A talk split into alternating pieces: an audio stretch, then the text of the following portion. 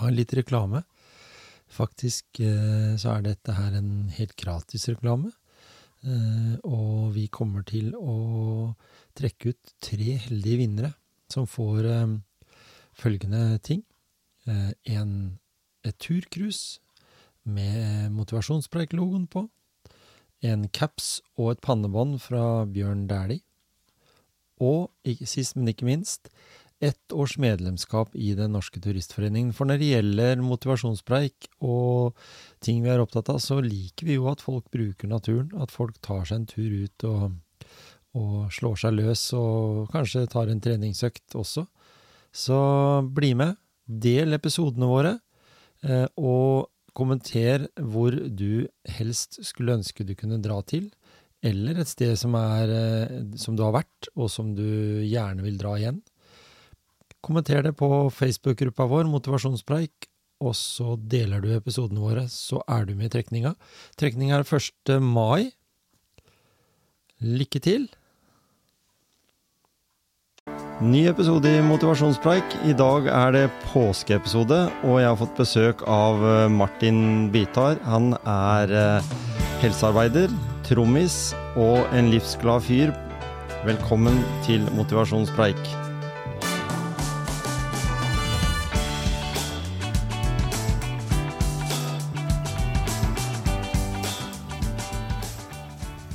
Ja, Martin. Velkommen til eh, studio her Jo, på Gjemse. Takk for det. Jeg har jo gjort én feil allerede. og det er jeg har ikke uttalt etternavnet ditt riktig. Nei, du spurte meg litt om det før, eller når jeg kom inn her. Ja, ikke sant? Og det var, jeg, var liksom det første jeg tenkte på. at Hvordan uttaler man det? Og nå kan du si eh, riktig. Du heter Martin Bitar. Bitar, ikke sant. Ja. Og, da, og når, når du kommer her, og så Vi kjenner jo hverandre fra at vi jobber jo på samme plass. Mm.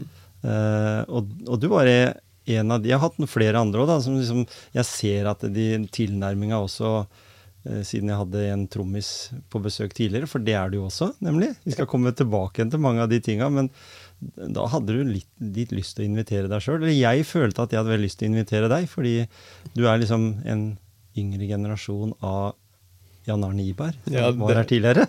Det var så morsomt når jeg så den posten. Jeg, sa det til en kompis av meg. Jeg tok uh, printscreen holdt jeg på, si, på telefonen, Ja. og så sendte jeg til kompisen og så sa jeg, se, det her er jo meg, jo. Mm. du helsearbeider eh, og gammel rocker, liksom. Ja, ikke sant? Ja. Jan Arne, kjenner du han fra sånn type musikk eh, Han har jo drevet den her 1001 watt og, og vært litt i bresjen for sånn type musikk, da. Ja. Um, altså jeg husker den fra jeg var liten og Ja. hadde langt hår og fløy rundt i byen og hørte på metal. Ja, Så sant? husker jeg så den en gang. Eh, og så hadde den en sånn Children, Children of Bodom-genser på seg. Ja, Det var favorittbandet mitt på den tida og i mange år. Og da husker jeg Jeg er ikke helt sikker, men jeg tror jeg gikk bort og prata litt igjen og bare 'Å, kul genser', og Mm. Så da så, så jeg jo trynet hans på Facebook-feeden min da når du Ja, la ut sant? Og de, og de er jo sånn eh, Han er jo vokst opp her på Hjemsø, Klosterskogen, ikke sant. Og de, det var jo Det er noen av de det har blitt musikere, sånn som Pål Flåta og, og sånn, i hvert fall. Mm. Eh, og så, så de, eh, de har jo musikken i blodet, litt, som- litt som deg. Men, Ja. men hvis vi spoler tilbake igjen til eh, eh, din oppvekst, da, så sier du til meg her, og det var jo jeg for så vidt ikke klar over, annet enn at jeg tenkte på etternavnet ditt, Bitar, Mm. at uh, du har uh, røtter fra andre steder enn bare Norge. Ja. Uh, pappa kommer fra Syria. Ja. Han kom til Norge i 76. Det Mm. fant jeg ut her, eh, holdt jeg på å si, rett før vi begynte her nå. Så du, du ble litt sånn gravende journalistikk eh, du drev med på egen uh, bakgrunn? Jeg hør- hørte jo litt på den episoden eh, med han Jan Arne, Ja, og da tenkte jeg jøss, yes, hvorfor vet ikke jeg det Nei. om faren min, på en måte. Ja. Uh, så da måtte jeg undersøke litt på det, da. Og når du kom til Norge i 76, da var det liksom rett ut og måtte finne deg jobb. Det var ikke noe sånn lettvint og, og Du ble ikke stilt foran i køen, liksom, når du kom fra et annet land. eh. Jo, altså, pappa kom jo til Norge for å spille med bandet sitt eh, på hoteller og sånn. Ja, ja. Eh, for han spilte i en eh, jazzgruppe Mm. eh, som heter Blue Max. ja vel. Og de eh, turnerte rundt på hoteller og, i Norge da, og kjørte rundt i bil og holdt på. Så kult. Så du har, du har, du har i blodet, du. Ja, jeg er nok blitt litt påvirka. Men du har, ikke, du har ikke kjørt rundt fra hotell til hotell? Det var mer vanlig på 70-, 80- og 90-tallet, kanskje? Ja, det har aldri vært på noen sånn turné på den måten. Nei. Jeg har jo studert musikk i mange år, da. Og har jo spilt en del gigs, men det har aldri vært noe rutine på det. Det har Nei. mer vært sånn nå. Hører om vi kan spille der, og så Mm. hører vi, og så funker det, og så får vi liksom mat og øl, kanskje, da. I Ja, betaling. Og, Men, men har, du har hørt på noe av stoffet han har eh, laga, da? ja, Det er bra? ja, det er jo disko-typ musikk. Det var tilnærma det folk ville ha? Eh, I ja, det, 76 det vil jeg tro. og opp i 80, på 80-tallet? Ja, de eh, regner med de spilte Mhm. Altså, det, jeg antar at på den tida så var det ikke Spotify Nei. og sånne ting. Nei. Eh, så de, altså, de var jo nok eh, de, Det var veldig vestlig type musikk, de, i hvert fall som jeg har hørt. da. Mm. Det var ikke noe syrisk eh, på den måten. Nei, for hvis du begynte med type folkemusikk fra Syria eh, på et hotell i Norge, så Ja. var det kanskje ikke så mange gigs du hadde fått. Nei, jeg tror ikke det solgte godt Den gangen, Norge, kanskje. Den gangen så var det liksom eksotisk, det altså. Det var ikke det. Men uh, du måtte vel opp i type når CD-en kom. Da begynte det å bli litt mer Men, men det er jo en spennende. Hva som liksom, Har du spurt faren din hvorfor han uh, stoppa i Skien? Eller i, i, i området her? Altså, han traff mamma i Kristiansand. Mm. Det er vel år, noen år, år etterpå. Og mm, da dreier, eller han jobba på en grill. Ja. Så det er jo sikkert etter den spilleperioden, eller ja, overlappa, eller jeg er ikke helt sikker på hvordan det funka. Fant ut av det at det å bare spille for øl og mat og overnattingsplass, det, det ble ikke, du ble ikke særlig rik av det. Ble kanskje Altså, bedre på på å spille. De tjente jo sikkert penger på det. Ja, ja. Det var jo vanlig, kanskje vanligere og sjeldnere med band som eh, spilte ute Mm. på den tida. Det vet Det jeg var ikke. litt sånn live. Det var vel det. Ja. Altså, det var før, det var før, før DJ-en kom ordentlig. For Ja. Den kom jo sånn på slutten av 80-tallet, egentlig. Da begynte det å komme DJ som, som spilte liksom med ordentlig sånn DJ-preg. Da skulle du høre på engelsk eh, pop og rock og det som var. Mm. Så det blei litt sånn, kanskje. Men du er 92-modell. Ja. Jeg er jo sånn, jeg, jeg googler, jeg, vet du, så graver litt sånn før. Og så ser jeg det at du har tatt penger på aksjer. altså, det var en periode for eh, tre-fire år siden. Ja. Hvor... Men jeg bare eh, tenkte at du hadde kjøpt deg inn i et flyselskap som ah, nei, ikke er lenger. Altså, jeg hadde litt penger til overs, og snakk om noen par-tre tusenlapper, liksom. Mm. Og så drev vennene mine og lasta ned apper da, og skulle begynne å trade litt og Ja, ja. prøve, liksom. Så syns jeg det så litt moro ut, så jeg Mm. ofra noen tusenlapper, liksom. Ikke sant? Men jeg gikk jo bare i minus uh, hver gang, jeg. Så du, du, du holder deg til det du er best på. Og i dag så er det helsearbeider, du, du kan jo kalle deg det. Men hvor er det du gikk på skole hen? Hvor opp, vokste du opp? Klyve. På Klyve, ja? Mm. Mm. Så gikk jeg, jeg gikk på Kongerødskolen, da. Ja. Og så gikk jeg ett år i åttende klasse vel på Klyve, og så bytta de om skolene. Mm. Eh, sånn at Ja, det var ungdomsskole på Klyve skole, eh, ungdom- og barneskole. Men eh, da jeg begynte i åttende, eller gikk i åttende, så bytta de om at Kongerød ble ren ungdomsskole. ja, sånn, ja. Sånn Og Klyve ble ren barneskole. Så Ja. da gikk jeg ett år på Klyve, og så flytta jeg opp til 9. og 10. på Kongerød igjen. Ja, ja. Så litt sånn som vi var gjennom her på Hjemsø, at vi gikk jo alle ni åra på skolen på samme skolen. Så ble det, da var det barne- og ungdomsskole, bare forskjellig inngang. Okay. Og så ble det bare ungdomsskole. Og da var det barneskole et annet sted. Liksom. Ja, de, politikerne vet jo hvordan de kan bruke penger. På, på Ja, sånn, da. Og, Det det og det er jo rokering. Men Klyve er en fin plass. Du, som, som du sier, du, du var jo dreiv i musikkmiljø. Det var mange, vet jeg i hvert fall, som, som dreiv med, med musikk. Det var, var aktiv fritidsklubb der oppe. Mm. Det er jo det fortsatt, så det er jo veldig bra sånn miljømessig. Og jeg var faktisk på den skolen der de har bibliotek nå. Det er Veldig moderne sosial møte, møteplassskole, da. Er det Kanskje. oppe på Kongerød, eller? Tror det. Er det nye, liksom? Den nye rett ved oppe på fotballbanen der. Mm. Jeg har vært innom, holdt jeg på å si. Jeg har ikke vært inn... Jo, Nei? jeg husker det- ikke. Men eh, det, etter den brannen så har jeg kanskje vært der en gang. Jeg har vært i gymsalen her, da. Mhm. Eh, Stemte eh, et år. Ja. Men annet enn det så har jeg ikke vært noe særlig der. Nei. Det er liksom sånn Når en vokser opp, så enten så bor man der, eller så flytter man, og så kommer en ofte tilbake igjen, kanskje. Det- Ja, nå har jeg studert i Trondheim da, i ettertid, og så har jeg flytta tilbake til Skien, i hvert fall. Ja, så du er litt på vei. til Klyve ennå. Nei. Men fortell litt, da. Du da går eh, barne- og ungdomsskole på Klyve, og så skal du ta utdanning. Hva gjør eh, Martin da? Nei, jeg begynte jo å spille i band som tolvåring, vel. Vi var fire kompiser. To av de spilte gitar fra før.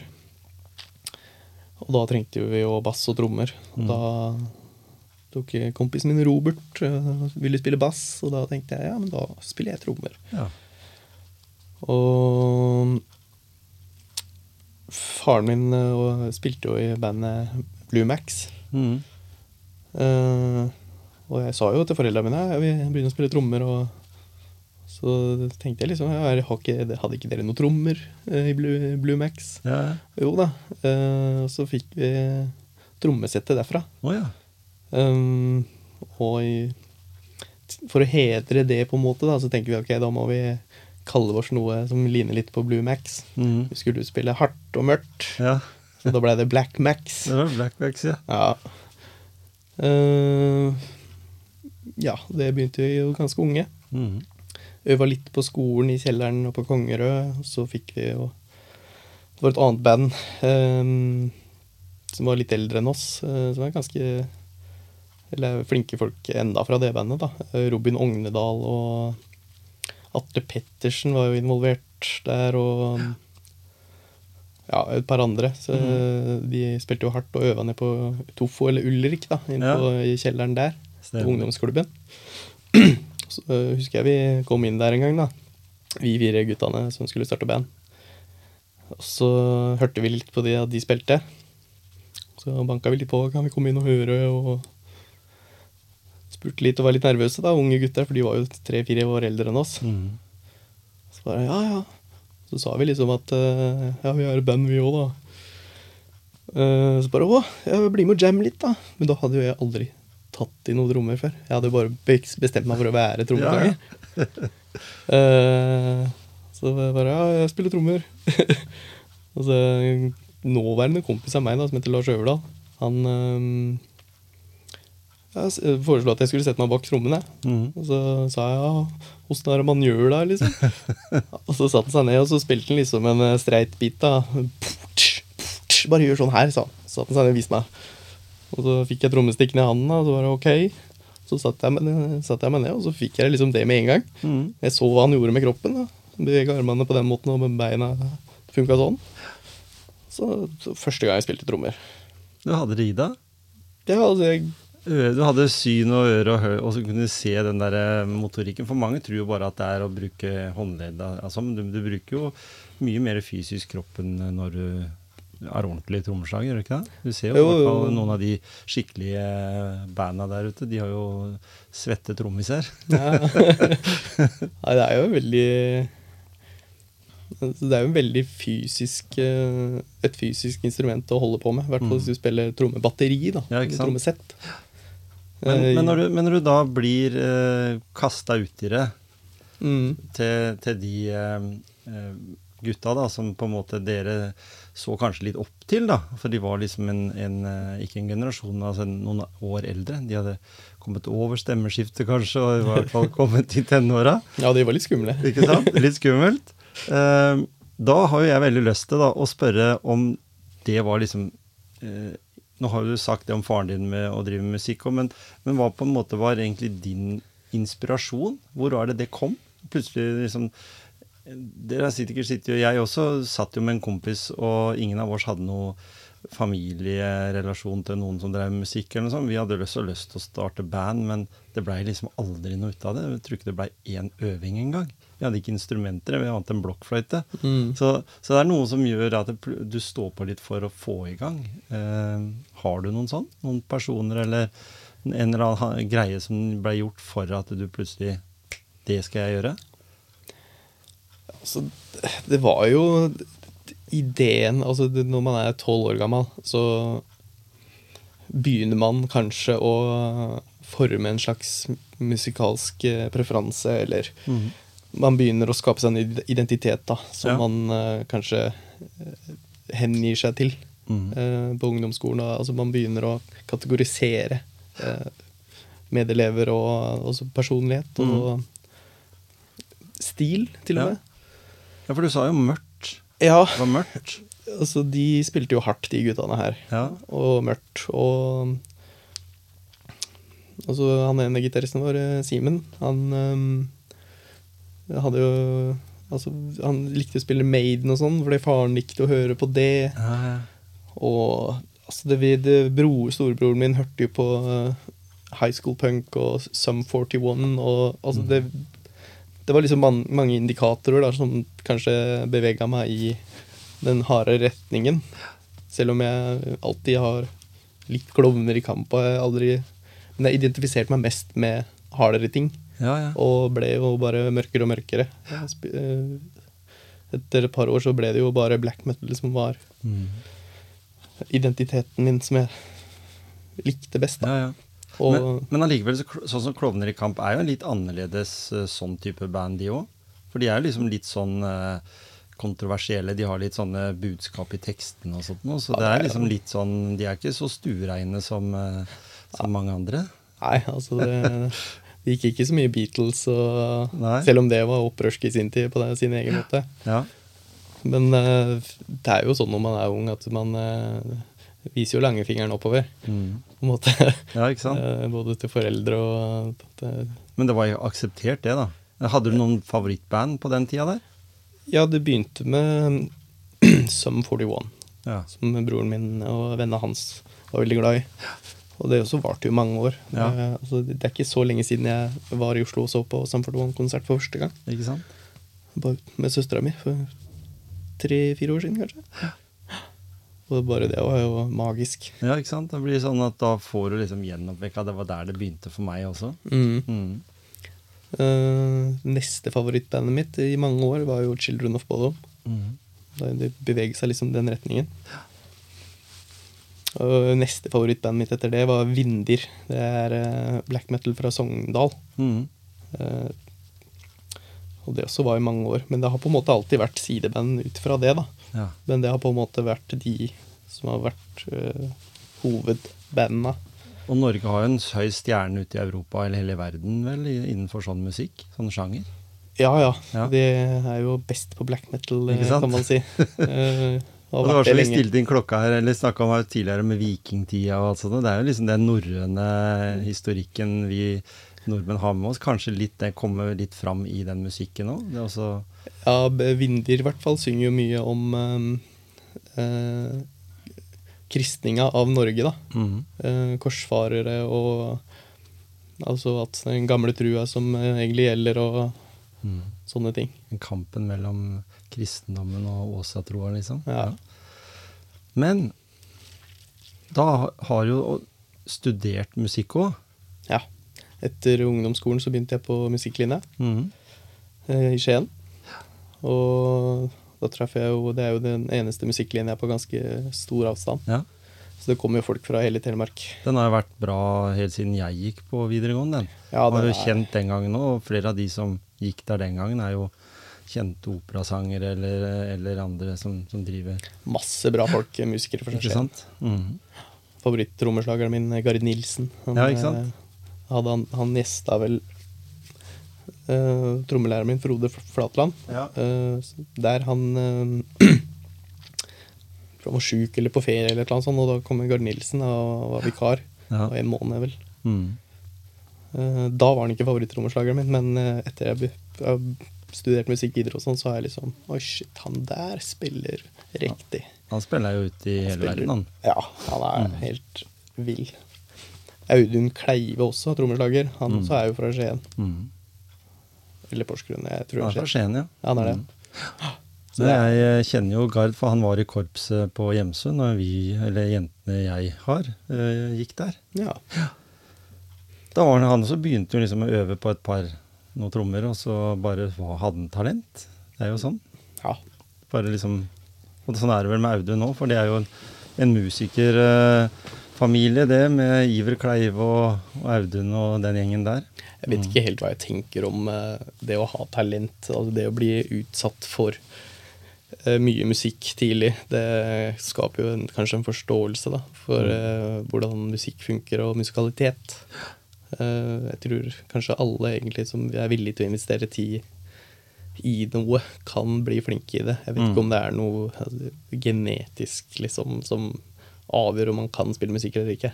Nei. Jeg er ikke sikker på Nei. det funker. Nei, men- ikke sant? Men det er, noe, det er noe i det der med å ha et øre for det, da. Og interesse. Ja. For det er jo hardt arbeid. Hvis Det jo ikke- idolene, idolene de, du ser opp til da, i livet, Mm. uh, verdsetter musikk, så Mm. er, man kanskje, er det kanskje lettere å gjøre det sjøl. Tror jeg, da. Men, men da går du på altså da musikklinja på Skien videregående, som har et godt rykte på seg. Eh, Du treffer sikkert mange andre òg, som du sier. Andre kjempeflinke folk. Ja, da ble jeg satt litt på plass, holdt jeg på å si. Ja. For det eh, hjalp jo til i Klyve skolekorps når jeg gikk i 10. klasse. Litt som instruktør, da. Og Mm. var jo med og gikk og, på øvinger og Ja, ja. sånne ting. Men eh, jeg var jo kanskje liksom Følte meg da som det, kanskje den best, beste trommeslageren i, i mitt kull mm. i Skien. For jeg Det er jo litt sånn når man er ung, kanskje, at man eh, Jeg gikk jo på kulturskolen, selvfølgelig. Begynte kanskje da jeg var 13 eller 14. ja, ikke sant? Og det var kjedelig å gjøre trommelekser. Jeg Ja. ville jo bare spille med gutta, og spille hardt og fort og holde på. Ja. Nå fikk jeg litt sånn sånne ark da med enkle beats som jeg måtte gjennom, og jeg Mm. fikk til det, liksom. Men jeg syns det var litt sånn Det var skole igjen. Mm. Og, eh, man liker jo ikke å gjøre lekser. Nei, ikke sant? Liksom. Man kommer i den rette alderen. Mm. Da er lekser kjedelig. Men, men musikk er jo øh, Og jeg har jo snakka med mange som, som driver med musikk, og musikk er jo litt sånn som kunst. Uh, du må først lære grunnprinsippet før du kan på en måte gjø- Altså, du, du sa jo det at du fikk den biten etter øh, når du var tolv år. Men for å liksom lære altså den eh, skolegreia, leksegreia, da, Mm. det er jo vel bare for å bli enda bedre, sånn at du kan eh, på en måte da gå ut i og spille mørk musikk, da, men på en annen måte. For ma mange av de musikerne der er jo veldig kreative mennesker. Som garantert kunne bare boost- boosta ut og laga noen coverlåter av noen, ikke sant, og så spilt det hvis de hadde giddet. Men de har kommet et steg videre. Er Liksom, eh, hvis du sammenligner Picasso, da, så kunne han male ordentlig, men han ville lage egne bilder med eget uttrykk. Er det ikke sånn litt i musikken òg? Det Altså- er ikke noe easy-peasy, easy fix å komme seg ut i verden og bli en kjent musiker. Nei, det krever jo kunnskap og vilje Ikke i mange kategorier. Ja. Det å være villig til å selge seg sjøl som noe, f.eks. ja, Som musiker eller artist. ikke sant? Men min erfaring med altså rock- og metal-musikere er jo at det kanskje at de eh, ikke er like villige f.eks. til å lære seg noter. Det er veldig lite, mye, det er lite metall som er skrevet ned, i hvert fall Ja. på noter. Da. Det, er sånn, ja. Vi Mm. brukte jo veldig mye gitarpro og gitartabs Ja, eh, for å skrive ned gitarriff, og der står det jo egentlig bare hvilket bånd eh, man holder. Og strengene vises nedover, da, så står det liksom 13 og 15 på neste Mm. strengen, og så Mm. spiller man så mange ganger så fort. Eh, så det er jo på en måte en et rutenett som man utnytter for Ja, å forklare hva man skal spille. Men det å lære seg notesystemet med fem linjer og sånne ting, det er det ikke så mange I hvert fall da jeg vokste opp, som Mm. spilte rock og metal, som trengte til og med. Fordi man lærte seg å spille en power chord, ja, ja. Og så lærte man, hørte man hvor den skulle flyttes for å få til et riff. da. Mm. Uh, Så det var kanskje ikke nødvendig, for det mye rock og metal kan også anses som enkel musikk i forhold til klassisk. Ja, ja. Som kanskje har mye større akkorder og mye flere elementer da, Ja, og utnytter seg av. Og mange instrumenter også i tillegg, Mm. som skal eh, samkjøres. Mm. Litt soloer. Det er ikke sånn ofte i mye rock. Ja, og gitarsoloer er jo Gitarsoloer, og så har du trommesoloer. og så har, det, har litt sånn. ja. At den deler litt på å vise hvor så god er jeg, liksom. Litt der. En litt sånn eh, battle, Ja, måte. ja, med Children of Bodom hadde mye keyboard mot gitar. eh? Lange Hvor de bytter på, da. Call and response, på en måte. Men, men er det litt den derre skal jeg si da, litt den der verden jeg lever i når det er noe musikk? Det er jo i, i litt i opposisjon. Du sier jo det liksom viser fingeren, eh, være litt sånn brutalt, det skal være mørkt, det skal være tungt, det skal være Det skal høres. Eh, Punk er jo kanskje hovedsjangeren som eh, Ikke sant? Det sånn uttrykker eh, motstand. da. Ja, jeg vokste opp med det, og det var punken, det var Sex Pistols og disse herre. Men de var allikevel sikkert ganske stureine i forhold til mange andre som var inne på punkverden. Ja, det kan, i dag så kan nok hende, ja. Det, Ja. Jeg har ikke helt oversikt over Nei. engelsk punk. Ikke sant? Jeg har hatt litt om det på skolen, men jeg, punk har egentlig aldri Jeg, jeg liker budskapet med opposisjon Ja. eh, og sånne ting, og hvordan man uttrykker det. Mm. For det er mange forskjellige måter å gjøre det på. Um, black metal er kanskje mer hat og smerte i Mm. fokus. Mm. Eh, sinne. Ja. Altså det som du Sorg. sa mellom Gud og, og eller den der kristendommen og, og Ja, det er jo og så- litt sånn. Satanisme er jo veldig Ja. i black metal. Ikke sant? Uh, må ikke være det. Det er mange andre budskap som uh, uttrykker smerte og Ja, hat. da. ikke sant? Det Men er det, eh, Satan er kanskje en inspirasjonskilde for mange Mm. mørke Det er det mørkeste du kommer, på en måte. Hvis, det, Ja, kan hvis det sånn på skalaen. Men når du da havner oppe i Trondheim, Ja, eh, etter videregående så da er, mer, da er du litt mer interessert i musikk hvis du velger opp dit? Ja, det begynte jo på musikklinje. Mm. Altså, for da var jeg jo altså, før, For å komme inn på musikklinja så måtte vi ha en teoriprøve mm. og en eh, lytteprøve. Og da måtte jeg lære meg litt noter og sånn. Da husker jeg vi tok ekstra timer etter skoletid i 10. klasse. Det var mm. meg og tre-fire andre. Et par av de jeg spilte i bandet, da, som Mhm. satt igjen da, med musikklæreren, og så sa vi må, vi må egentlig lære oss litt sånt her, vi.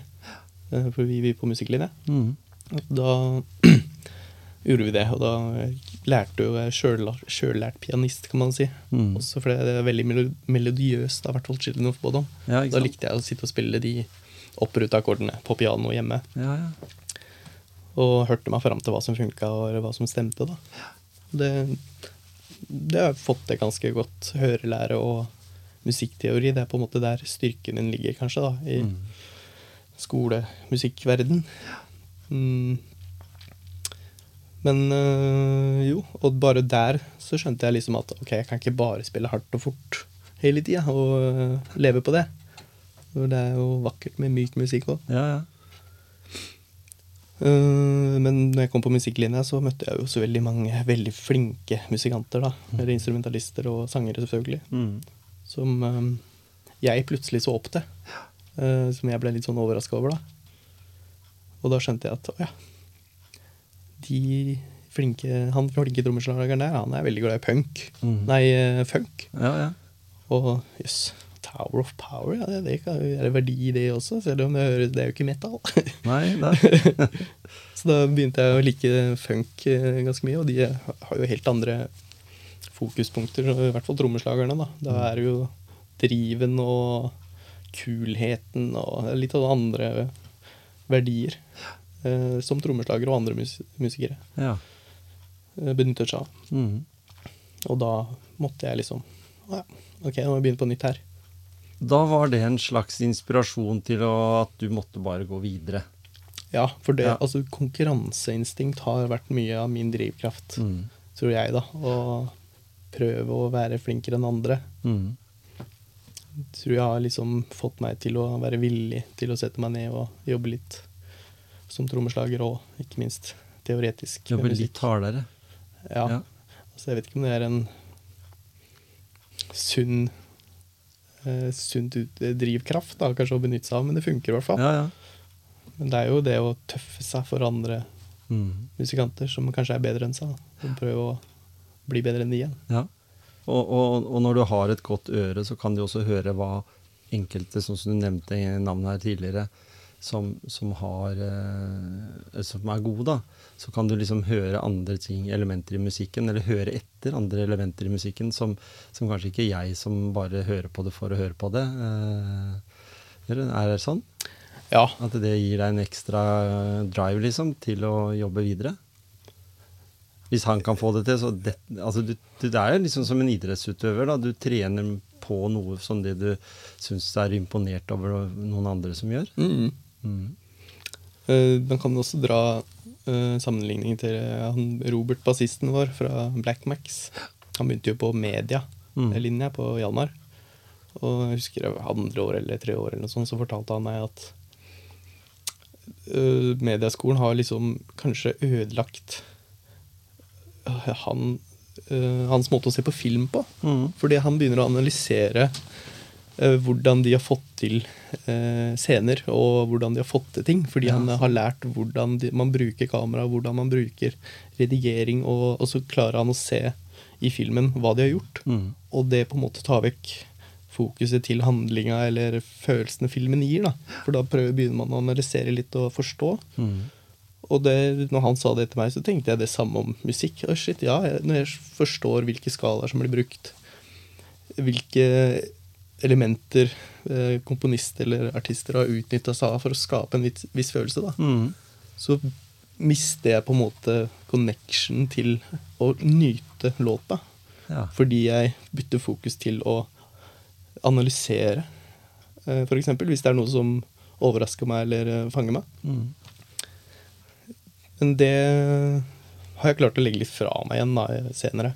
Ja, det, kan du veksle mellom det? Er det noen ganger du tenker at det er jeg ute etter nå? For det blir jo litt sånn, når det blir et fag for deg, så har du jo den muligheten til å på en måte hvis du, hvis du holder et foredrag som er ganske teknisk, da, eh, om matematikk f.eks., ja, så, så slår du deg løs, og så legger du det til side, og så har du på en måte den, den, den som ikke er opptatt av det, men som bare sitter og lytter til musikk. Måtte du, måtte du lære deg det på nytt, da, eller? jeg tenkte, eh, etter jeg lærte det her, da, eller forsto det her av Robert, Ja. så um, tenkte jeg kanskje at å ja, nå har jeg ødelagt meg sjøl som musiker. Eh, fordi, og da begynte jeg å tenke at folk som ikke gikk musikklinja, laga mer ekte og sjelfylt musikk enn de som har studert musikk. Ja, sånn. Da tenker jeg at det var Å ja, nå har jeg gått glipp av den framgangsmetoden å lage musikk på. Fordi jeg, jeg kan Jeg fokuserte Altså, på den tida, det var jo konkurranseinstinktet som gjaldt. Ja. Og da følte jeg at jeg heller prøvde å lage noe som imponerte, enn noe som låt fint. Og det kan jeg ta meg sjøl den dag i dag. Mm. Og liksom overkomplisere ting da, hvis jeg lager noe. Og jeg, jeg, jeg, der kan jeg bruke den rare teknikken og få til det, og prøve å få det ut for å brife for andre som vet hva det her Ja, ja. handler om. Eh, For å brife for de. Mm. Men det er jo egentlig ikke verdifullt når man skal lage musikk som kanskje skal glede andre, da. Nei, ikke sant? Uh, Og mange. Mm. Da lager man musikk for musikere, kanskje. Ja. Og det er ikke, jazz er ikke så veldig mye som selger uh, Nei, altså, stadioner, Også, Nei, altså, ville du lage det for at du ville på en måte enten kopiere eller, eller imponere de som du ble imponert av, for, For eksempel? eksempel. Ja, ikke sant? Mm.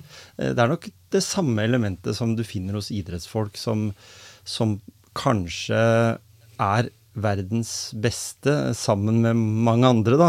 Eh, Men får ikke ut kanskje det aller, aller siste potensialet. Altså Tar vi en utøver som på ski, f.eks. Vet ikke hva slags forhold du har til ski, men Petter Northug vet jo alle hvem er, mer eller mindre.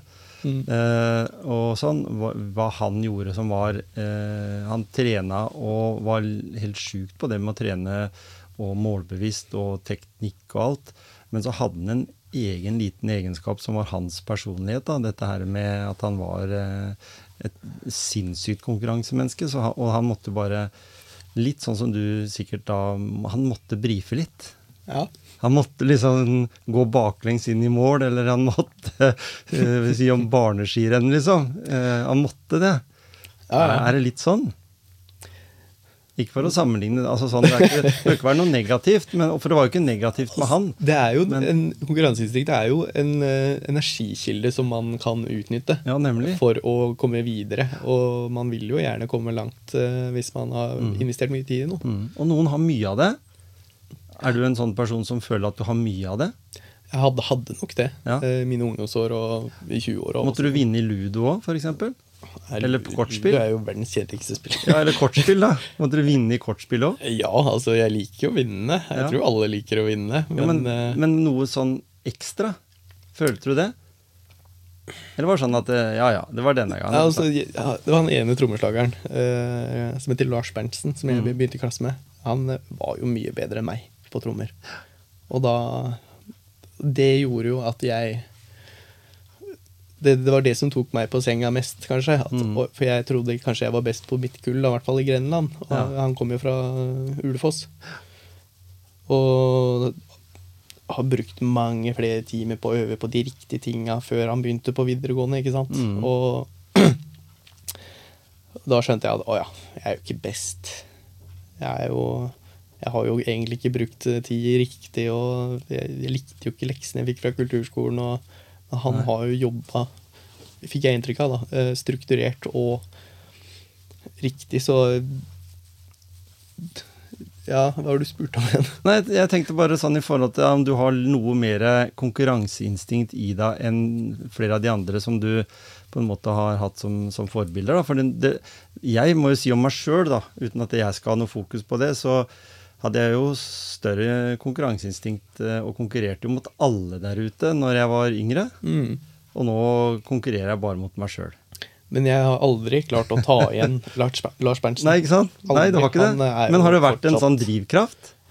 Ja, altså det var jo det. Jeg ville jo prøve å bli i hvert fall like god som en, og Ja. kanskje en gang bedre. Ikke sant? Men han, altså han spiller, har spilt turné i, med en jazztrio i Tyskland eh, i det siste, og Ja. Han spiller jo bare rett og slett så ryddig og mye tightere. Altså jeg er fortsatt bare Det er utafor min rekkevidde, nesten. Det Ja. sånn som han holder på. Men det hindrer ikke meg å kose meg med å spille musikk. Og det, Nei, det er på en måte det jeg er glad for i dag, er at jeg ikke satsa alt, da. Uh, Ja. Fordi jeg elsker jo jobben min, som jeg Mm. har nå på, i helsevesenet. ja. Og har studio, eller et laboratromrom, som jeg kaller det, Mm. hjemme. Med mikrofoner og trommer og masse forskjellige instrumenter, og hvor jeg kan gå inn når jeg har lyst. Kose meg. Det blir ikke, jeg øver ikke sjelden mot noe. Mm. Og det betyr at jeg kan, kan bare slippe meg løs da, hver gang jeg setter meg ned bak trommene. Så jeg klarer fortsatt å nyte det å være musiker uten at det har blitt en jobb eller en konkurranse. Mm. Og det er jeg veldig Så takknemlig det er en god hobby Ja. å ha. For når vi snakker da om eh, jobben din, eh, så har vi jo vært så vidt inne på det, men du jobber på Sykehuset Telemark Mm, i eh, det som heter portørtjenesten, er det riktig? det er riktig. Ja. Så du kommer jo Altså jeg er jo helsearbeider sjøl, så jeg jobber jo også på gulvet akkurat som deg. Mm. Men vi har ulike roller, og, og du kommer vel kanskje inn på pasienter og de ulike avdelingene sånn på en helt annen måte enn det jeg gjør. Ja, det gjør jeg nok. Du er vel eh, gjerne låst på en avdeling eh, Mm. en hel dag. Ja, Selv om jeg har sett deg på forskjellige avdelinger. ja. ja. Men du er stort sett på én avdeling den dagen, som du sier, ja? Ja, Mm. Jeg er jo stort sett på alle avdelinger hver dag. Mm. Så jeg kjenner jo alle ansiktene til alle sykepleierne, hjelpepleierne, legene.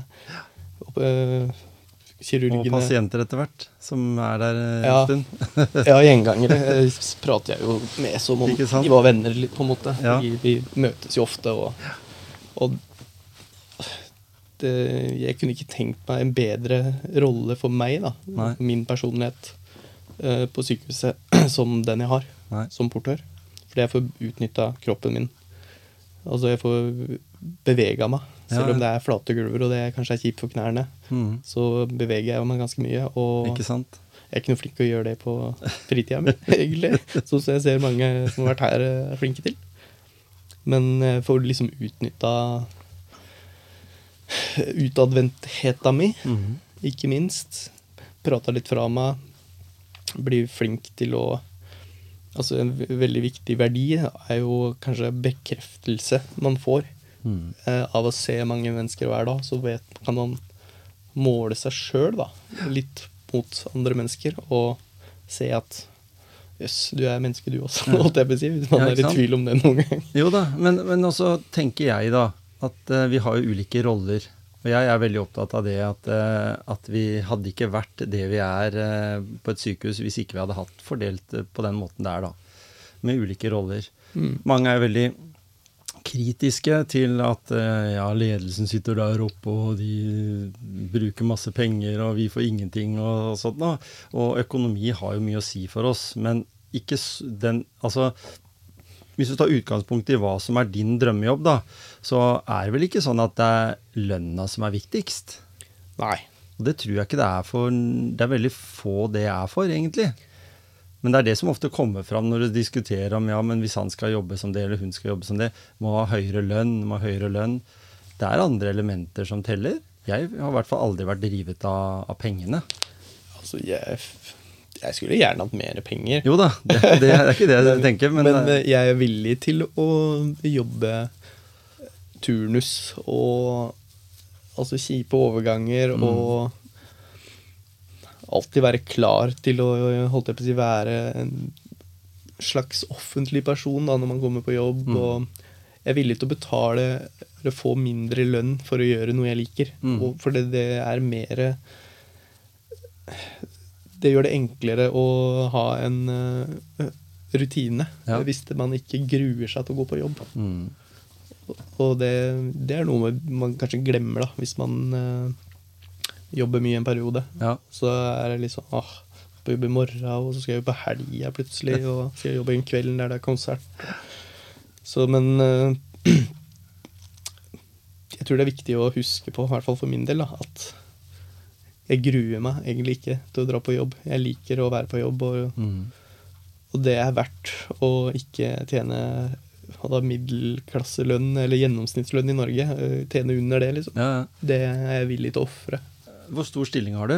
100% 100 ikke sant? Og da, da har du jo den lønna du har. Uh, og det som er, er at jeg tror det alltid er sånn at hvis du jobber i helsevesenet, så er det bare å jobbe mye, da. Veldig mange som kanskje syns de tjener dårlig, de jobber egentlig for lite. Fordi du jobber kanskje en 40-50-60% stilling bare. Uh, og så greier du ikke å fylle opp til 100. Så, så en kan ha de tinga. Men så er det jo det elementet, da, dette med trygghet. Mm. Du har en trygg jobb. At du, at du vet du har en jobb å gå til. For det, du blir aldri nedlagt. Sykehuset blir jo aldri liksom ja, 'Beklager, nå De innskrenker jo, men altså, eller en får flere arbeidsoppgaver. Det er vel heller å si det sånn. En kan fortsatt ha jobben, men en får flere oppgaver. Det er Jo det som er greia. Men, men eh, når, du tenk, når du tenker sånn eh, eh, går, Når du er på jobb, da, så treffer du mye mennesker. Noen av de kan du prate med, andre er det ikke så lett å prate med fordi de er syke. Eh, har du musikken i hodet da?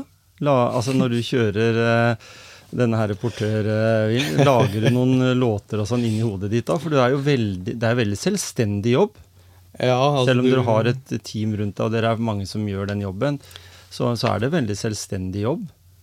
Ja, du flyr jo rundt stort sett aleine. Ja. Eh, det hender vi er to hvis det er oppgaver eller pasienter Som som, krever, det, ekstra Ikke sant? Bistand. Men uh, helt siden egentlig jeg begynte å spille trommer, så eh, ved middagsbordet Mm. da jeg gikk på ungdomsskolen, så har jeg hørt 'Martin!' Ja.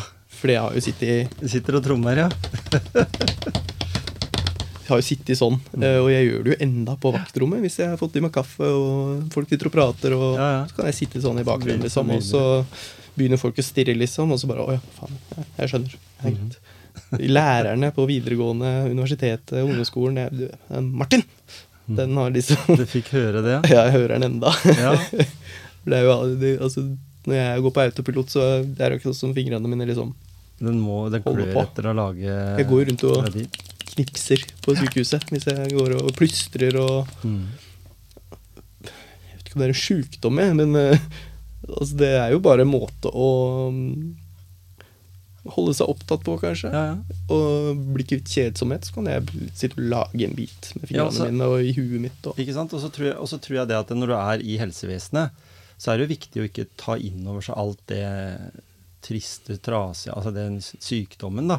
Mm. For da kan den bli litt sånn uh, hekta. Vi, og vi gutta som er i helsevesenet, uh, vi er jo verdifulle å ha der. Fordi vi gjør jo på en måte uh, hele systemet om fra et veldig feminint, eh, empatisk og, og, og sånn, hva skal jeg si, system som damene bygger mot at vi mannfolk, vi gutta, kommer inn og, og påvirker det i en positiv Det sier i hvert fall alle de jeg jobber med. Jeg jobber jo stort sett med 80% jenter på alle de avdelingene jeg jobber, og kanskje mer òg noen steder. Eh, Men alle sier at det er så bra å få inn noen menn i helsevesenet. Og det er jo fortsatt en jobb å gjøre, da.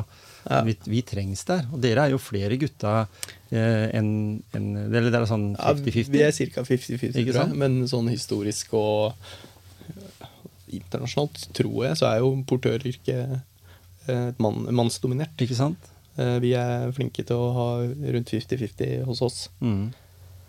Tror jeg kan hende det er 60-40 med kvinner også, men jeg, det bytter jo på hele tida med vikarer og sånt. Ja, ja. Men øh, ja, vi er jo egentlig Så dere har egentlig det som er den ideelle sammensetninga, fordi dere da, da har dere på en måte Dere løser sikkert eh, konflikter, problemstillinger, sånn litt på en annen måte fordi en er eh, begge, begge kjønn. Ja, det er jo individuelt, individuelt også, altså, Hvis man kommer opp i konflikt eller Ja. øh, problemer øh, med pasienter eller med andre ansatte eller Ja. Med, med et eller annet, da, mm. pårørende eller noe sånt, så er man jo ofte aleine som portør i nærheten. Mm. Eh, Det hender jo, altså Vi møter jo på hverandre i gangene, men skjer det noe med pasienten, og du er en plass hvor det ikke er noe særlig folk, så må du jo løse den oppgaven sjøl. Mm. Mm. Så det kommer jo an på åssen type problem man møter. da. Mm. Eh, Men vi debrifer jo nesten på autopilot. Ja. Hvis det skjer noe eh, på en tur, Mm. så prater man jo gjerne om det. Nevner det for kollegaer. Nevner det for lederen hvis det er noe alvorlig, Mm. kanskje. Mm. Og så prater man om kanskje hva som er den beste løsninga i øyeblikket. Hvordan Mm. man kan løse det bedre, og hva kanskje tiltak for å kunne forhindre at problemet oppstår fremover. Og sånn har dere gode rutiner på det, dere? Ja, altså, Vi har egentlig ikke noen retningslinjer, eller kan, vi har noen debri- debrifningsretningslinjer hvis det skjer noe stans Ja. eller sånne ting. da, Men altså, hvis pasienten begynner å kaste opp mens du kjører med en sånn transportør ned i kullerten, Mm. S- så kan vi kanskje fortelle at ja, kanskje det er greit å ha en sånn spypose tilgjengelig da, Ja, på transportøren.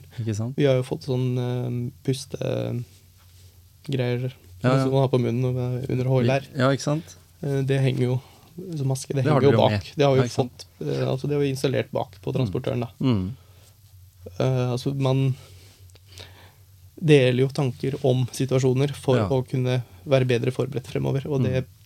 Det er litt naturlig at man eh, tar opp det. det er, vi har ikke noe rutine på det, annet enn at vi er bare flinke til å prate om sånne ting da, Mm. på, når vi spiser eller Har du fagbrev på det, eller? Ja. Ja, ikke sant? Så dere er jo på en måte Fagbrevet ditt er jo like mye verdt som en elektriker og en rørlegger og en uh, helsefagarbeider og alt. Ja, Fordi vi jo- innad i det faget er jo en del av et fagsamfunn. Ja, Men det er jo veldig nytt, da, fagbrevet i Norge. Mm. Det har visst vært i Danmark ganske lenge, Ja. men eh, lenge siden er? Fem år siden, kanskje? Det anerkjenner jo yrket også på en, på en helt annen måte. Ja, og vi er, vi er jo ofte utsatt for syke mennesker, og da er det ting som kan skje, og da er det Mm. greit å vite hvordan man kan Mm. løse det best mulig. Og der er det løsningsorientert i forhold til helseproblemene også, på en måte. Ja, ikke, vi- ikke sånn i detalj sikkert, men akkurat det som en trenger å, å vite i en sånn jobb. Ja, vi har jo HLR-kurs hvert år. Mm. Um, altså Vi er med på de aller fleste kursa som i hvert fall pleier og ansatte på sykehuset skal Mm. være forstått, forstått med. da. Ja, og det er det jo vi nøye på på sykehuset, da, i motsetning til mange kommuner og sånt, som Ja, ikke rekker å ha kurs før folk har slutta og nye har begynt, og så går det vinter Ja, og vår. det er mye folk. Ja. Eh, men du liker deg godt i helsevesenet. Liker deg godt i systemet. Eh, den boksen vi er inne i når vi, når vi er på et sykehus? Jeg liker godt å være Eller få den sosiale bomba Mm. hver dag. Mm. Um, selvfølgelig har jeg en dårlig dag, så må man på en måte power through. Ja, ja. Eh, Bare holde ut. Det er ikke alle eh, mennesker vi holdt jeg på å si. Nei, nei. Så det Men det gir deg energi å komme på jobb, og du trives i den settinga. Så jobben for deg er en viktigere del enn mye annet. Kanskje til og med mye viktigere enn musikken akkurat nå. Ja, jeg har jo identifisert meg veldig som portør siden Ja. jeg ble det. Ikke sant? Føler jeg, da. At jeg Mm. har lagt mye tid og energi i Mm. og, Fordi jeg syns det er en fin jobb. Mm. Så Og, du, og du blir jo kjent, da, fordi dattera vår så sier jeg at du skulle komme hit i dag.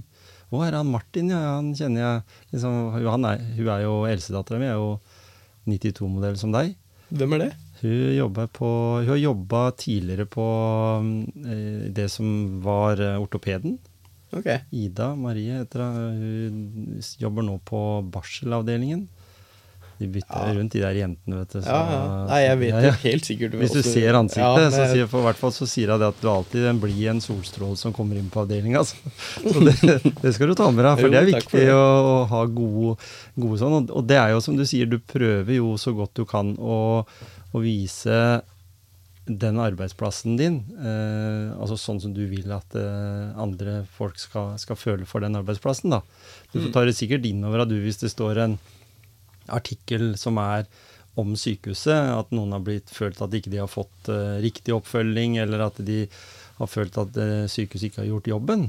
Det kom jo litt sånn under pandemien, for den var jo en utfordring for dere òg, akkurat som for oss. Ja, det var moro. moro. Ikke sant? Men du har lært mye av det. Når en tenker etter nå, så, så Ja. tror jeg vel at også dere lærte ganske mye av en sånn pandemi.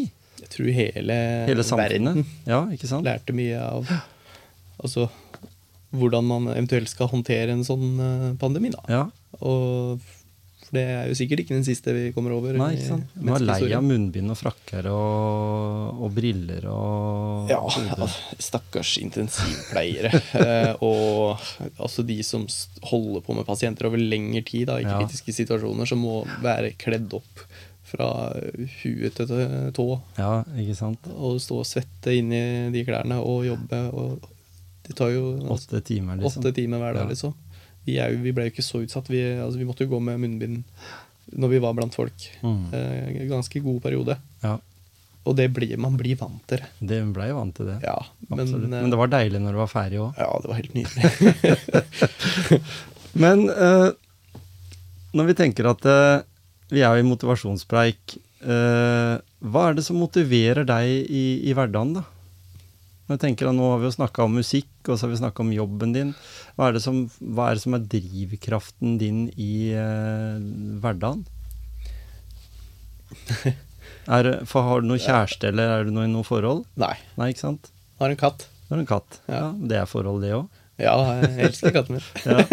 Men hva tenker du? Altså, Hva er det som er din motivasjon til det? Du setter deg i bilen på morgenen, du reiser på jobb, og, og som du vet, du jobber jo tredelt turnus. Ja, Eller i hvert fall todelt, og så har du noen ja, netter. Nei, jeg jobber, ikke natt. Vi har faste nattevakter, cirka. Ja, sånn, ja. Men øh, jeg jobber veldig forskjellige tidspunkter. Vi har ni-ti forskjellige vakter eller noe sånt. Ja, sånn, Eh, som, eh, så Så jeg har, huet mitt hadde ikke greid det. Jeg synes det er Nei, mer enn som se, jeg har, Ja. jeg må jo se på planen min hver uke åssen jeg jobber. og Noen ganger er det seks timers vakter, andre ganger er det åtte timers. Ja, ja. Stort sett er det sju og en halv. Så kan du begynne klokka ni, halv ni, Ja, ja. halv ett, halv tre. Nå begynner du tre. Altså, Det er så mye forskjellig, da, så du må på en måte Jeg bruker sånn Google-kalender og ja, det er lurt. fører inn, henter den ICS-fila eller hva det er for noe, med Mm. kalender. Fører inn den, så ser, har jeg oversikt, så jeg er jo inne på den kalenderen hver dag og ser. Ja. Å ja, der er jeg ferdig da, så da rekker jeg kanskje det etterpå. Mm. Så det er veldig flytende eh, hver dag. Mm. Så det, ikke, det, det passer jo ikke alle. Jeg hadde jo satt pris på sju til halv tre-jobb Ja, ja. for å få en god rutine i hverdagen, da. Men Mm. jeg har jo jobba som portør i sju år til august. ja. Så den eh, flytende hverdagen den har sitter godt inne nå. Mm. Det er en sånn øving, akkurat som på en uh, musikkøving. Så har du liksom Ja, altså, øvd du- inn den uh, turnusen, eller den, den Ja, jobberutinen, ja. men du, du må bare bli utsatt for det, for det over tid, og så blir kroppen vant til Å ja, jeg må sove nå hvis jeg skal rekke jobb i morgen tidlig. Ja, Selv om du har overgang, f.eks. ja. Men hva som motiverer meg Altså, jeg vet at jeg liker jobben min. Mm. Derfor møter jeg opp på den. Og jeg, jeg liker å sove lenge, Mhm. men jeg tvinger meg sjøl opp klokka kvart på seks for det hvis jeg skal på jobb klokka sju. ja. Men det er fordi at jeg må, hvis jeg skal kunne beholde jobben, da. ja, ja. Så jeg har jo vært men men flink til å forsove meg tidligere, men jeg har på en måte rydda litt opp i det etter hvert som jeg har blitt eldre. Du har lært det? Ja. Ja. Det er ikke noe, det er ikke noe vits i å liksom bli invitert til sjefen annet enn hvis det er positive ting. Nei, det, jeg har vært litt opp og ned der tidligere, men ikke sant? Det er, det går det er ungdomstida det vet du, som fortsatt har hengt litt igjen. ja, nå har jeg bikka 31, så da Ja, begynner jeg å bli voksen, kanskje. Du er jo litt voksen da. Eh, Men, men miljøet på arbeidsplassen, da, si litt om eh, hva er det, en, er det en faktor i forhold til det en motivasjon? Ja, jeg liker jo kollegaene mine. Ja. Um, veldig vidt sprik i type mennesker og alder og kjønn. Mm. Og, og det gjør det jo Skaper interessante samtaler. Ja. Og ikke minst synspunkter. Og ja, energier, om jeg får si det. da. ja, ikke sant? Alle har sin greie, liksom. Og det Jeg tror vi portører er flinke til å ta vare på de forskjellige verdiene i de forskjellige typer menneskene. Mm. Fordi vi har god trening i det, vi som har vært der lenge, da, og kun måtte orientere seg til forskjellige synspunkter eller Mm. Type personligheter. Men når jeg sier det, da, sånn som jeg sa det med, med dattera mi, som, som da hadde fanga opp én måte hun, hun syntes var positivt om deg, eller kanskje flere, eh, hva tenker du at en eh, kollega av deg, da, nå skal vi gå litt i, i det, ville ha sagt om, om deg som, eh, som kollega? De spør jo ofte, altså med det her tromminga mi Mhm. De skjønner jo ikke hvor jeg henter den energien fra. Nei? Og jeg vet jo ikke sjøl, egentlig. Altså, det kommer jo gjerne etter to, de to kaffekoppene om morgenen. Ja. Og når jeg er i gang og har prata litt med folk. Og, Mm. altså, når du jobber mye med kroppen også, så du får den i gang. Ikke sant? Og da Mm. har du en greie gående. Så vi dytter jo på mye senger med og uten folk i. Ja. Og Det går jo noen, Da- skri, det går noen tusen skritt òg. ja, det blir noen tusen skritt Ja. hver dag. Mm. Eh, Men bruker man energi, så får man jo også kanskje energi tilbake. Mm. Og jeg tror jeg kommer inn i en sånn her zone, kanskje, hvis det, er, hvis det er mye å gjøre da, fra morgenen av. Mm. Så holder jeg den zonen gjerne helt mot slutten av vakta. Men når jeg kommer hjem, og det har vært mye å gjøre, da er den sofaen veldig attraktiv. Ja. Det har jeg slitt litt med. At jeg kommer hjem, og så får jeg meg middag, og så legger jeg meg på sofaen, og så er Hender- jeg hender Da har er du la lada ut.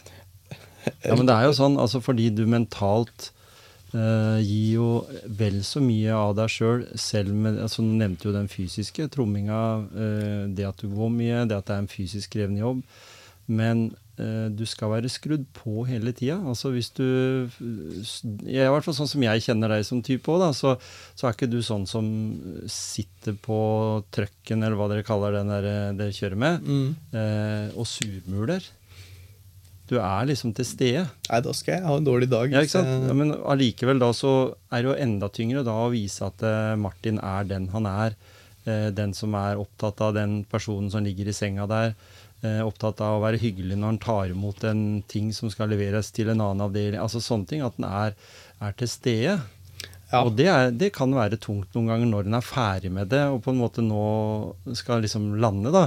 Så, så, er det, så er jo batteri Det er jo bare 100% og det er 100% antagelig, eller kanskje 80 når du kommer på jobb, da, fordi du er det tidlig, og så tapper du av den, så er du kanskje nede på 10, da. Og en elbil, f.eks., eh, ville jo ikke gått på 10% på batteriet. Nei. Så sånn sett så er det bare vel fortjent at du hiver deg på sofaen, vil jeg tro. Jo da, men eh, altså, det har jo, jeg har jo diskutert, diskutert det litt med meg sjøl, holdt jeg på å si, om Fordi man kan jo si at man ofrer eh, fritida si, f.eks. Mm. ved å jobbe så aktivt og hardt. Jeg, altså, jeg klarer ikke å la være å stå på når jeg er på jobb. Nei, ikke sant? Det har jo diskusjoner om det egentlig er lurt også, med tanke Mm. på uh, mange stillinger vi får. At vi, hvis man jobber veldig effektivt, så får vi kanskje mye tid eh, på vaktrommet. Da. Mm. Og da ser kanskje ledelsen at eh, hei, her kan vi skjære litt. Ja, Eller sant? at man helst skal ta ting rolig og bruke tid med pasientene. Og det er jo bra for pasientene Mm. Mm. også. Men jeg, jeg sliter jo litt med å holde igjen da, hvis jeg først er i høygir. Ja. Og det har jo vært diskusjoner om det egentlig er lurt. Og altså, det er mange aspekter her. ja, ja. Men jeg, Men det er, mer, det er mer jeg håper å si, Det er Martin, 31 år, eh, som gir mye av seg sjøl på jobben. Eh, er på tilbudssida. mm, Eh, løsningsorientert, er du det? absolutt. Ja, ikke sant? Så du kan lett se gjennom systemet at eh, du kommer inn på en avdeling, og så sier du at så er kanskje to sykepleiere veldig opptatt av at de må bestille en ny portør fordi en er ikke sikker på det. Så kan du finne på at nei, men dette fikser jeg. Ja. For å avlaste andre igjen. Og det gjør jo at de syns at å, fy søren, så deilig. For de var, er jo i tempo, de også. ja, En ja. jobb som de skal levere til eh, i de timene de er der. og det gagner jo alle, mener jo jeg, da. Eh, Men det åpner jo for muligheten til at man kanskje ikke trenger like mange portører hvis alle blir like effektive som Ja, Så det er, det er en vanskelig diskusjon, det der. ja ikke sant? Men eh, vi har jo også et system som gjør at vi Hvis ingen gir oss ekstra oppdrag, så får vi ett oppdrag om gangen. Mm. Og hvis de er i ferd med å bestille en prøve tilbake fra avdelinga til laben, Mm. så sier jeg ja, men da tar jeg den med, men da er det viktig at jeg legger inn det oppdraget etterpå. Mm. Uh, Sånn at vi får loggført alt vi gjør, sånn at vi ser at å ja, de har fortsatt mye å gjøre, Ja. men uh, man løser det på en mer effektiv måte, da. ja, ikke sant? Og, og det, jeg vet jo det, jeg har jo jobba på nett der som, som kolleger av deg jobber én aleine på hele sykehuset. Ja, det er fortsatt sånn. Ja, ikke sant?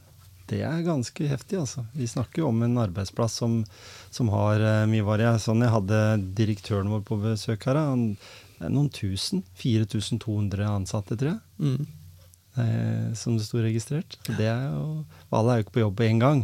Men det er som han sier òg, vi er en arbeidsplass som er på 24 timer i døgnet, 365 dager i året. Så det er ikke et minutt som ikke er dekket opp med eh, beredskap nok til at en kan kunne ta unna. Og det, det gjør jo at, det hele, at den er en del av et ganske stort system, men allikevel en veldig viktig brikke. da. Tenker du på det? Ja, jeg syns over tid eh, som eh, ansatt på sykehuset, da, så syns jeg sykehusdrift er spennende. Ja. Hvordan forskjellige instanser jobber sammen, og hvordan det gjøres effektivt, mest mulig effektivt. Mm. Og jeg vet ikke, jeg syns det er eh, interessant å se hvordan man løser vanskelige problemer, da, og Mm. gjør det mest effektivt. Det, det, det, Jeg vet åssen det var før i gamle dager. Da hadde de noen sånne rør, som de, sånne, sånne hylster, som de sendte ned og de har det ennå. Ja, de har det noen steder. Labben bruker det, tror jeg. Ikke sant? Jeg husker ikke helt hvor de går, men Nei. Men det er sånn, litt sånn. Men, men allikevel så har vi jo kommet over på et litt mer digitalt system ja. eh, i dag. Og dere bruker jo det. Et fulldigitalt eh, system som blir registrert eh, oppdrag, som du sier. Men hvor er Martin om ti år, da? Nå er du 31. Når du er eh, bikka 40 og kommer opp i den ja, der, Hvor er du hen da? ja, det var et veldig godt spørsmål. Ja. det, er jo veldig, eh, det er jo veldig mye som skjer i verden eh, nå, med AI på internett f.eks. eksempel Som eh, effektiviserer mye bedre enn mennesker og gjør a- arbeidsoppgaver mennesker bruker mye tid på. Ja. Og det er jo et kappløp, omtrent, i den digitale verden. Mm. Om hvem som kommer til å lage beste AI-varianten av systemene. Da. Og så jeg har, holder på og driver og skal lage litt eh, videoer, instruksjonsvideoer for trommeslagere. Mm. Jeg har lyst til å lage sånne pakker som eh, jeg kan selge på nett. da. Som kan hjelpe andre å bli mer musikalske og prøve å ut, eller eh, melke sin kreative side eh, på i hverdagen, f.eks. Eller bare gjøre noe de har lyst til. da, Noe som Ja. de kan tjene på. Jeg så, jeg så et bilde eh, for en måneds tid siden eh, som sa at kreativitet er intellektets eh, måte å leke på, eller noe sånt. Mm. Og det syns jeg var veldig fint. Um, Så om ti år så har du litt mer, mer fokus på musikken. Det kan godt hende. Ja. Altså, de, Når du tenker sånn ny, nyere teknologi, det er jo ikke tvil om at i løpet av ganske kort tid så vil jo en del av de arbeidsoppgavene du har i dag, kanskje være styrt av noen droner, droner eller noen roboter eller et eller annet sånt noe. Men uh, vi trenger jo allikevel det der menneskelige aspektet, da. Jeg tror ikke portørstillingene eh, kommer til å forsvinne. De blir ikke borte, men enkelte arbeidsoppgaver som kanskje allerede er veldig arbeidskrevende, som det er i dag, da. Kanskje noen av de oppgavene tilfaller et sånt system, men noen mennesker må jo drifte det igjen. Er du Ja. nysgjerrig på den teknologien? Jeg syns AI er veldig moro å leke med. Jeg Ja. driver og lager sånne bilder. og Jeg lasta ned og kjøpt en sånn app. Så når jeg bare skriver en masse ord da, Mm. som skal beskrive åssen bilde jeg skal få tilbake, i hvilken stil Jeg synes jo det er Når jeg sitter på do, for eksempel, så lager jeg et par bilder. Og, altså, jeg syns det er moro Ja, ja. å se hva teknologien kan gi meg. Mm. Den type teknologi. da. Det er jo veldig nytt. Det er jo tre måneder gammelt eller noe at Ja. AI Ikke kom til internett. Ja. Og de lager jo, kan jo lage film, de kan lage serier, musikk, Mm. kunst. Altså de kan lage alt som mennesker kan gjøre. Da. Ja. Bare, altså, man kan jo argumentere for at kunsten AI lager, ikke har sjel. Fordi det er ikke et menneske som har laga det. Man har ikke den overordna eh, sjela, eller hva jeg skal kalle det, eh, som gir kunsten verdi. Eh, og det Men det er noen bak der som har programmert, da.